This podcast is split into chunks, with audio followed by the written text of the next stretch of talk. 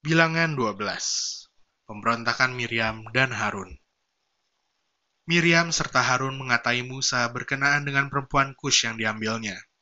Sebab memang ia telah mengambil seorang perempuan Kush. Kata mereka, Sungguhkah Tuhan berfirman dengan perantaran Musa saja? Bukankah dengan perantaran kita juga ia berfirman? Dan kedengaranlah hal itu kepada Tuhan. Adapun Musa, ialah seorang yang sangat lembut hatinya lebih dari setiap manusia yang di atas muka bumi. Lalu berfirmanlah Tuhan dengan tiba-tiba kepada Musa, Harun, dan Miriam. Keluarlah kamu bertiga ke kemah pertemuan.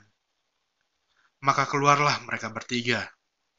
Lalu turunlah Tuhan dalam tiang awan, dan berdiri di pintu kemah itu, lalu memanggil Harun dan Miriam. Maka tampillah mereka keduanya.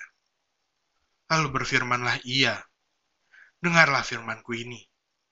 Jika di antara kamu ada seorang nabi, maka aku, Tuhan, menyatakan diriku kepadanya dalam penglihatan. Aku berbicara dengan dia dalam mimpi.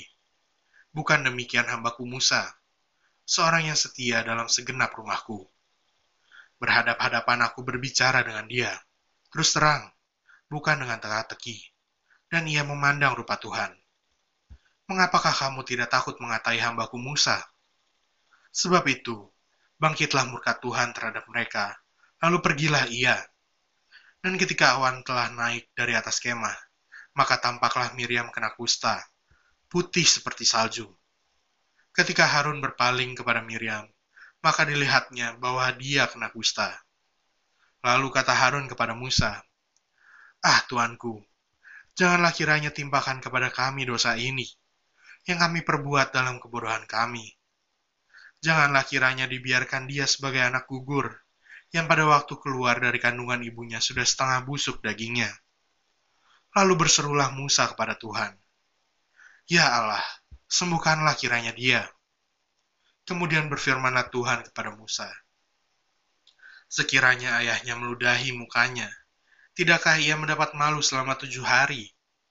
Biarlah dia selama tujuh hari dikucilkan keluar tempat perkemahan kemudian bolehlah ia diterima kembali. Jadi dikucilkanlah Miriam keluar tempat perkemahan tujuh hari lamanya, dan bangsa itu tidak berangkat sebelum Miriam diterima kembali. Kemudian berangkatlah mereka dari Hazerot dan berkemah di padang gurun Paran.